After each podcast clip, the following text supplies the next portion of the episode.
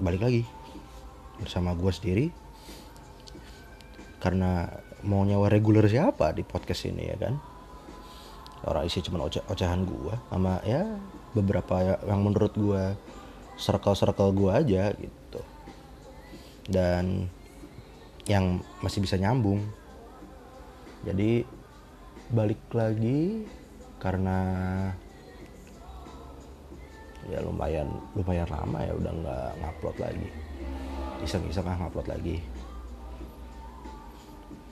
Kalaupun ngupload nggak ada salahnya juga. Orang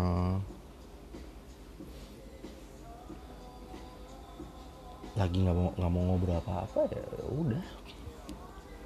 Apa yang udah obrolin nah, sekarang mungkin kondisinya pandemi? Pandemi.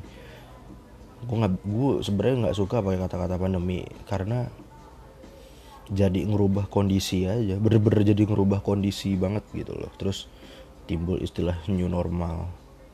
What's new in the new normal? Gak ada yang baru kalau gue bilang. Hanya lebih ke lebih ke ngubah beberapa aja malah sisanya lebih carut carut marut kalau gue mikir. Jadi apakah itu bakal dibilang baru? Ya kita nggak tahu. Apakah itu akan berlangsung dengan siklus yang sangat panjang? Kita juga nggak ngerti. Karena isu yang paling santer kan dari Kemendikbud aja pengen pembelajaran jarak jauh itu dipermanenkan. Oke. Gue sih setuju. Cuma kan infrastruktur gak merata di setiap daerah di Indonesia. Keluhannya pun sama. Ada yang bilang kita terlalu mahal untuk nge-approve internet yang sebenarnya itu esensi masyarakat tuh perlu semua di era-era sekarang. Tapi beberapa masyarakat ada yang bilang ini masih terlalu mahal. Barang untuk beli kuota yang 5 giga aja masih dibilang mahal kalau orang Indonesia. Karena nggak sesuai sama daily needednya gitu loh. Jadi kuota itu kan sebenarnya kan dibilang kebutuhan primer enggak sekunder enggak tersier enggak. Tapi dibilang komplementer pun juga enggak karena keperluannya udah lebih dari yang udah gue sebut-sebutin tadi. Kalau nggak ada internet bisa jadi anak gue nggak sekolah satu. Kalau nggak ada internet bisa jadi gue nggak meeting zoom dua. Kalau nggak ada internet gue mau buka usaha gue gimana buat yang dagang-dagang buat yang apa. Yang sekarang udah harus menggunakan sistem online. Kan semua bergantung dengan internet. Kayak kita nggak bisa mengelakkan kebutuhan internet tapi beberapa faktor yang lebih main major di hidup kita itu memaksakan kita untuk mempertimbangkan internet itu. Sebenarnya udah nggak bisa. Nah itu salah satu imbas dari apa yang disebut dengan new normal. Coba kan gue nggak bakal ngebahas yang lebih berat ke arah sana itu hanya keresahan iseng-iseng gue aja. Sebenarnya kalau gue bikin gue pengen ngulik hal kayak gitu banyak terlalu banyak. Gue sampai beberapa waktu untuk waktu yang lama itu ngelihat semua informasi yang ternyata membuat diri gue jadi over info over information gitu buat diri gue sendiri dan itu capek banget sumpah. Lo makan konsumsi berita-berita kayak begitu dari luar negeri dari lokal terutama lokal ya yang aduh sebenarnya nih life related banget deket banget sama yang gue pengen rasain. Cumanya kalau terlalu banyak yang lu tangkep capek diri lu. Capek banget. Gue salah satu orang yang ngerasa jadi kayak begitu. Makanya ada beberapa alasan kenapa gue lumayan menghilang ya kan? Karena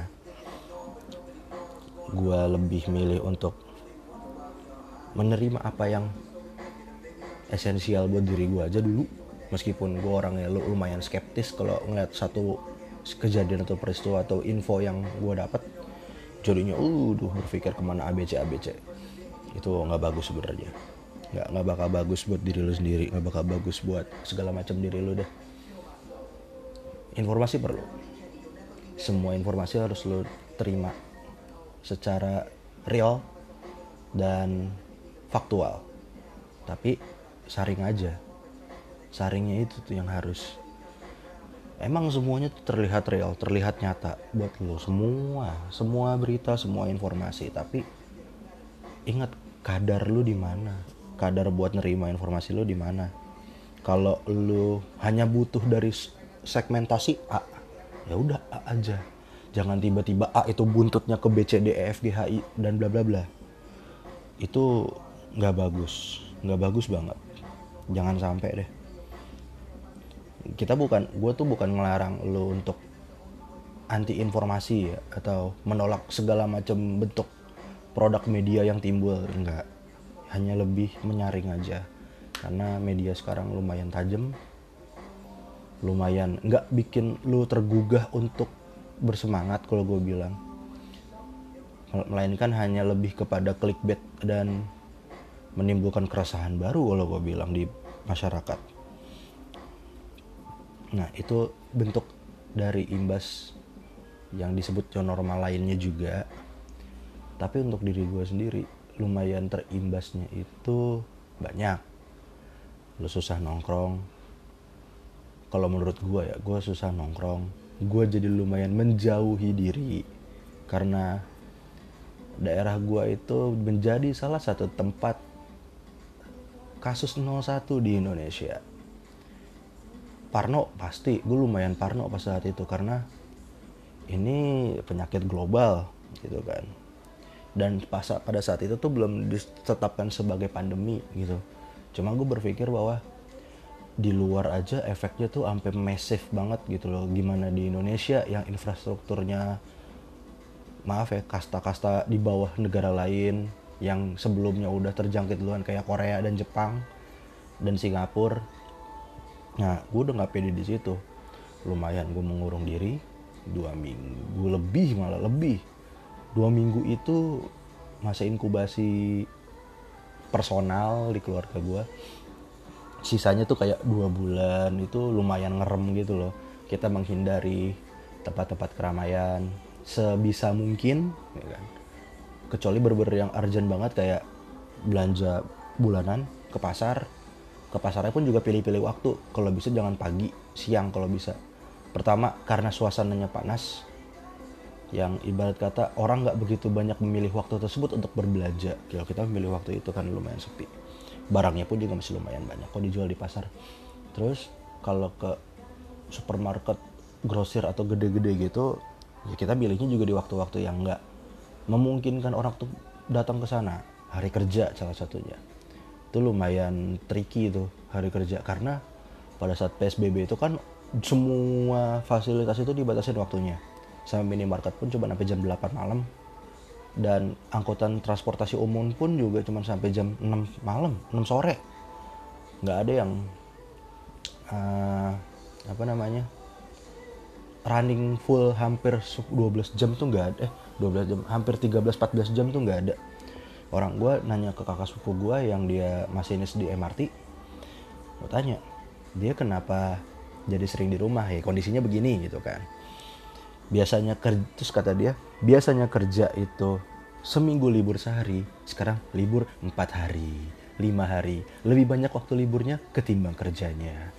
Terus kereta yang keluar biasanya 14 rangkaian sekarang cuman tiga rangkaian pada saat PSBB waktu itu lumayan banget dong.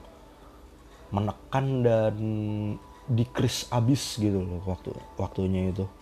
Waktu operasional dan banyaknya operasional yang keluar lebih dipotong banget gitu loh. Karena stasiunnya pun juga nggak banyak yang buka kalau nggak salah. Stasiun-stasiun yang notabene nya nggak begitu sentral banyak yang ditutup. Katanya kan begitu. Itu pada saat PSBB itu gua pun selain melepas dari menghindari kerumunan-kerumunan itu juga diusahakan untuk tidak keluar ke mana-mana meskipun tidak penting meskipun nggak penting atau penting banget gitu. Kadang gue mengasih opsi untuk kenapa nggak video call aja? Kenapa nggak telepon aja? Kenapa atau nggak berbalas chat aja? Kadang gue suka memilih kayak gitu. Ya itu ini berlaku kepada pas lagi gue kemarin kerja gitu kan freelance antar negara yang wah penuh syukurnya bersyukur banget karena lumayan sih lumayan lumayan mengisi ya. Alhamdulillah banget itu. Terus ya dengan gue memberikan opsi itu kan jadinya ya kita meminimalisir kegiatan di luar. Itu kejadian PSBB kemarin. Yang lumayan berpengaruh sama kenapa kondisi gue rada-rada menutup diri juga. Sebenarnya ada lagi sih faktor-faktor yang nggak mesti gue ceritain. Kalaupun diceritain juga kayaknya udah terlalu nge-trigger banyak orang. Jangan. Tapi beberapa very very close circle gue udah ngerti kenapa gue lumayan rada berubah. Meskipun gue nggak usah ngeceritain ke mereka pun mereka udah, udah, udah, udah pada tahu kayaknya gelagat gue nggak begitu bu. Nggak begitu biasa. Lebih jaga-jaga dan kayaknya nggak ekspresif banget sih gue untuk beberapa waktu yang lalu. Gue ngakuin diri sendiri. Gue kayak terlalu berjudi sama pemikiran dan perasaan gitu kan. Gue mesti ngapain gue mesti ngapain. Di tengah di tengah-tengahnya gue harus menuntaskan apa yang harus di, mesti dituntasin dan soon will be insya Allah semoga lancar. Karena setelah itu selesai dan semua kegiatan itu beres itu kayaknya waktu balas dendam sih. Waktu balas dendam yang lumayan panjang dikasih buat gue gue mesti ngapain tuh? Gue udah lumayan memplanningnya. Itu sangat gue tunggu-tunggu sih sumpah. Kayak gue ada sedikit pembuktian gitu sih kayaknya. Setelah semua ini beres yang harus gue lakukan itu beres tuh gue gue ada satu pembuktian gitu. Gue pengen ngelakuin itu sih. Terus uh, banyak perubahan juga sih yang menurut gue tuh. Sebenarnya ini nggak bagus di mata orang tapi kayaknya gue butuh gitu. Kayaknya gue harus melakukannya. Seperti halnya gue lumayan menjauhi diri itu. Gue lebih banyak berkata enggak. Terus lebih banyak di kamar juga sih ya. Paling kalau keluar ya untuk menyegarkan mata sisanya enggak. Terlalu gimana ya menurut gue terlalu terlalu penting nggak penting sih sebenarnya. Ya itu dari perspektif gue pandemi ini mengubah beberapa poin yang gue rasa berubah pada saat itu. Sekarang kan udah enggak nih. Udah lumayan lumayan longgar lah ya lumayan longgar. Motor lewat. Lumayan longgar jadi malah lebih takut gue karena wow dilepasnya PSBB lu kayak ngelepas ke ini kan masalah baru. Ya udah. Jadinya di satu sisi gue nggak bisa mengelak kalau sekarang udah nggak PSBB kalaupun keluar juga lebih takut lagi sebenarnya. Tuh. Uh, oh iya gue lebih pengen ngobrolin tentang geliat yang mesti dilakukan atau geliat yang banyak dilakukan orang-orang di saat pandemi.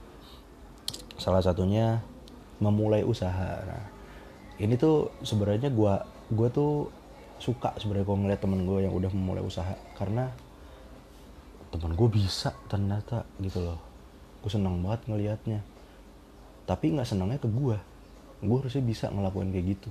Itu cuma gue lagi berpikir juga kayak bakal mau memulai apa ter mungkin ada insya Allah. Tapi gue nggak tahu apa. Tapi kalau dilihat-lihat wow teman gue lumayan mencari solusi ya dalam hal-hal waktu atau waktu-waktu kayak begini. Dari yang ada yang memulai jualan frozen food jual buah ngejual makanan-makanan kekinian kayak apa sih? Mentai uh, apa lasanya segala macam atau kue-kue gimana yang model apa sih tuh dessert box dessert box gitu. Sampai yang makanan-makanan umum jajanan masyarakat kayak pecel kayak ayam geprek kayak eh, apa bubur mie ayam. Bahkan ada yang sampai ngelapak gitu kan ya. Terus sampai sampai yang ke ranah esensi hobi kayaknya sih ya. Jual in game maninya in uang dalam gamenya dalam game gitu kan. Uang dalam game dalam game wah. uang dalam game itu dijual-jualin gitu loh kayak kalau dulu kayak Mikes lah kalau audition Ayo Dance gitu kan. Atau kalau sekarang kayak gamenya Mobile Legends tuh itu sebenarnya prospek pasar gitu kan. Berarti kan temen gue itu mencari solusi dari apa yang dia punya. Dia punya hobi dia punya relasi dia punya marketnya itu. Sisanya apa? Gue pengen ngerandingin satu satu bisnis nih bisa nggak ya jalan di sini? Eksekusi. Karena di situ lu udah punya elemen-elemennya lu punya pasarnya lu punya komunitasnya dan lu suka sama hobinya. Gitu lu suka sama bidang hobinya itu. Aman. Sisanya tinggal diraningin gitu loh ya pandemi memaksa semua orang berpikir lebih berputar ya. Kalau gue lebih berputar banget. Kadang di rumah gue aja pun sekarang kondisinya udah jadi kayak co-working space semenjak work, work, work from home. Printer di lebih banyak ada scanner tersendiri segala macam buat kopi berkas segala macam bokap gue lah gue yang bantuin email email tuh seketika rumah jadi co-working space gitu kan. Ya itulah kondisi yang sekarang dihadapkan kepada kita kita. Tapi yang jadi pertanyaan seberapa lama hal kayak gini bakal berputar? Atau siklus ini bakal menjadi lebih jadi kebiasaan? Jangan-jangan ntar. Kita nggak ngerti. Karena terlalu banyak wacana babi bu babi bu tapi ya so far alhamdulillahnya bisnis itu udah mulai bergerak ya. Yang tadinya emang udah buka dagangan pas pandemi sempat down setelah lumayan dilonggarin sedikit buka dan jalan lagi. Tuh ada. Ya gitulah kondisi ya. Kita nggak ada yang mau kita nggak ada yang tahu dan kita itu sebenarnya nggak mau ada kayak begini kan. Tapi terlalu terlalu banyak permasalahan. Jadi terlalu banyak permasalahan sebelum terjadi pandemi menyebabkan pandemi ini jadi lebih jadi momok permasalahan baru itu loh semua lebih men menjudge wah pandemi merusak semua agenda pandemi. Ya sebenarnya benar sebenarnya benar itu benar gitu loh. Tapi kan kita nggak dipaksa eh kita nggak dipaksa kita terpaksa menikmatinya karena kita nggak tahu ada kejadian kayak gini. Karena negara besar pun juga keteteran yang kan Indonesia gitu jadinya nikmatin. Mungkin itu imbas kondisi sekarang kepada beberapa segmentasi dari diri gue sendiri lingkungan dan teman-teman gue yang lumayan struggling jadi struggling banget kalau gue bilang. Yang tadinya berwacana untuk berbisnis dan beneran jalan bisnisnya karena terdesak kondisi gitu ya harus. Mau gimana lagi? Udah nggak ada pilihan. Kalau terlalu memegang kepada satu pegangan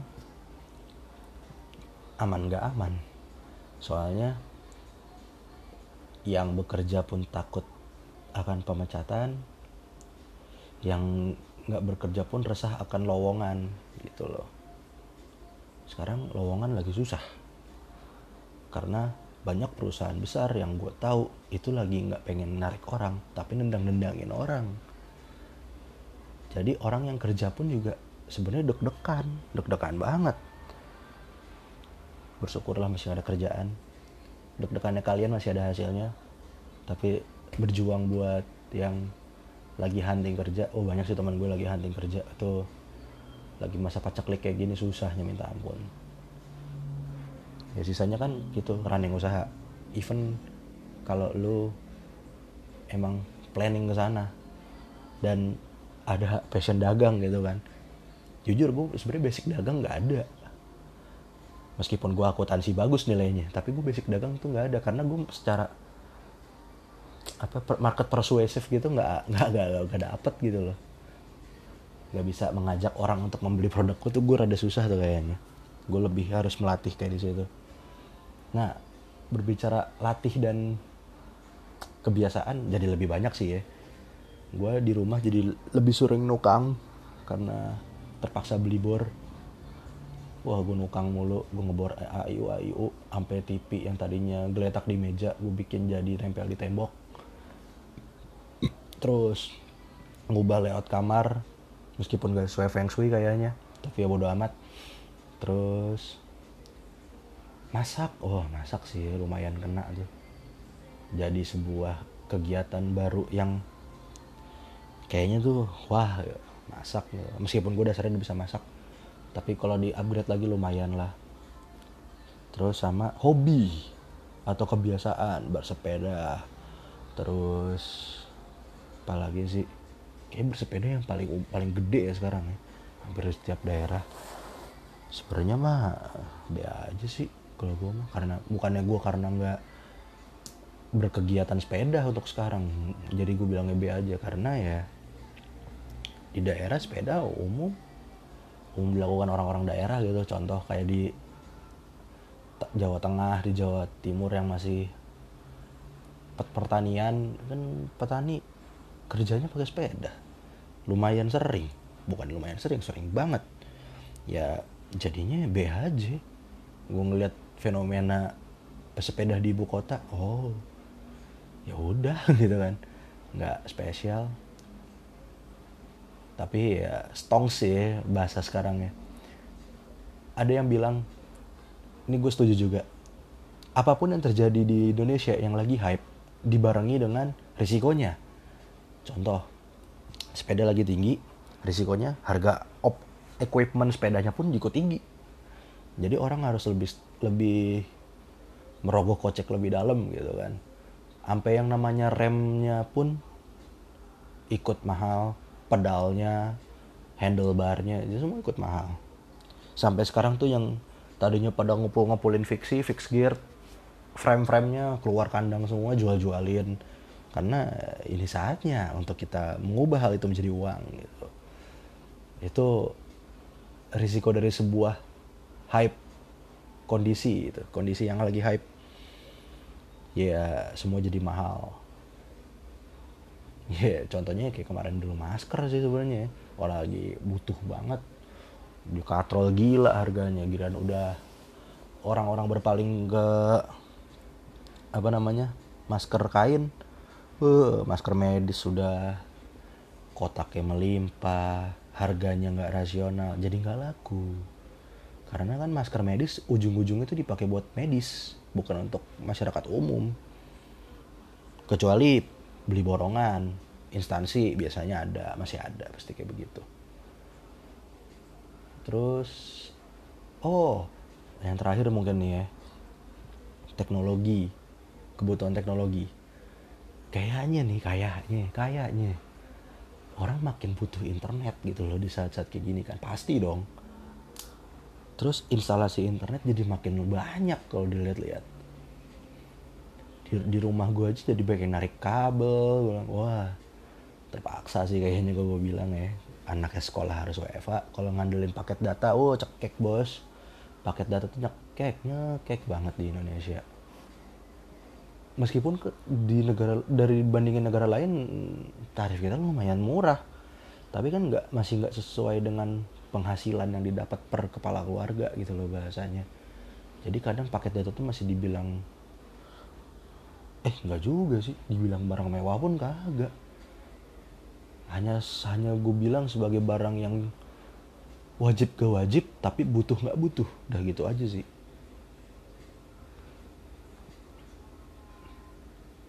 Semua udah butuh banget kayak begituan. Sampai beberapa orang nanya kira-kira provider yang murah apa ya? Kira-kira kalau gue narik kabel ini ke rumah aman nggak ya? Ya udah kalau butuh mah pakai aja gitu tarik aja. Sampai hal-hal yang non esensial seputar teknologi pun ada ditanyain. Laptop orang banyak nyari laptop mungkin buat kebutuhan. Terus ini Android TV kayaknya orang butuh hiburan lebih ya ketimbang TV konvensional digital yang aduh free to air juga ada nggak bagus-bagus banget tayangannya sekarang. Terus ya Android TV uh, paling yang banter-banter game offline di HP terus tontonan oh iya tontonan sih tontonan tuh Netflix yang apalagi sering masuk IndiHome kan orang jadi makin banyak berlangganan sih kalau gue rasa. Meskipun meskipun meskipun dikenakan pajak 10% sama pemerintah. Tuh katanya sih belum berlaku katanya sih per Agustus kalau Netflix. Kalau di game udah berlaku cuma dibebankan ke developer kasihan sih. Developer udah kerja lagi musim begini banting tulang bikin game dijual pajaknya di share ke developer juga bayarnya. Aduh. Tuh kasihan developer indie sebenarnya sih. Budget gak seberapa ngejualin game belum seberapa bayar pajaknya seberapa. Ya tolonglah. Gue sih setuju aja dikasih pajak. Setuju. Gue bukan menentang pajak 10 persennya. Enggak. Gue tuh setuju dikasih pajaknya. Cuma pikirin harganya. Pikirin harganya sih kalau gue bilang kalau lo nge-follow up negara luar kalau negara luar itu mungkin udah terbiasa beli barang-barang digital. Di sini tuh barang-barang digital tuh masih dalam tanda kutip diakalin lah gitu kan. Ya contoh dasar dah. Windows itu pasti emang sekarang tuh banyak yang jualan tuh built in original. Tapi belum semuanya original. Bisa jadi kayak lo ngerakit PC aja tuh masih pakai yang model Windows. Pancingan crack segala macam office-nya. Meskipun sekarang udah banyak sih yang ngejualin kunci kunci-kunci aplikasi yang lumayan murah itu original sih. Terus kayak model Spotify. Spotify itu lagi lumayan anget kan di sini karena diikutin podcastnya di sini juga makin ngejamur. Tapi kalau dikasih biaya berlangganan pajak setinggi gitu apa nggak masyarakatnya jadi mikir dua kali kan gitu? Kalau gue sih mikirnya gitu. Kadang kalau diberiin pajak itu kan solusi buat negara. Yang bikin jadi anomalinya pajaknya ketinggian gitu loh. Yang kenapa bisa gue bilang anomali? Ada kemungkinan nih ya. Nih gue bukan prediktif atau memfonis tapi ada kemungkinan aja. Entah itu berapa kejadian apa enggak orang bakal cenderung milih yang bajakan ntar kalau seandainya emang harganya bener-bener diberatin di pajaknya itu. Karena belum ditaruhin pajak aja orang masih berpikir untuk beli yang ilegal atau menikmati yang ilegal. Ya pilihan kan di masyarakat. Tapi kalau nggak dibantu pemerintah lumayan berat juga pilihan itu kan kita lihat aja ke depan sih lumayan lumayan berimbas apa enggak?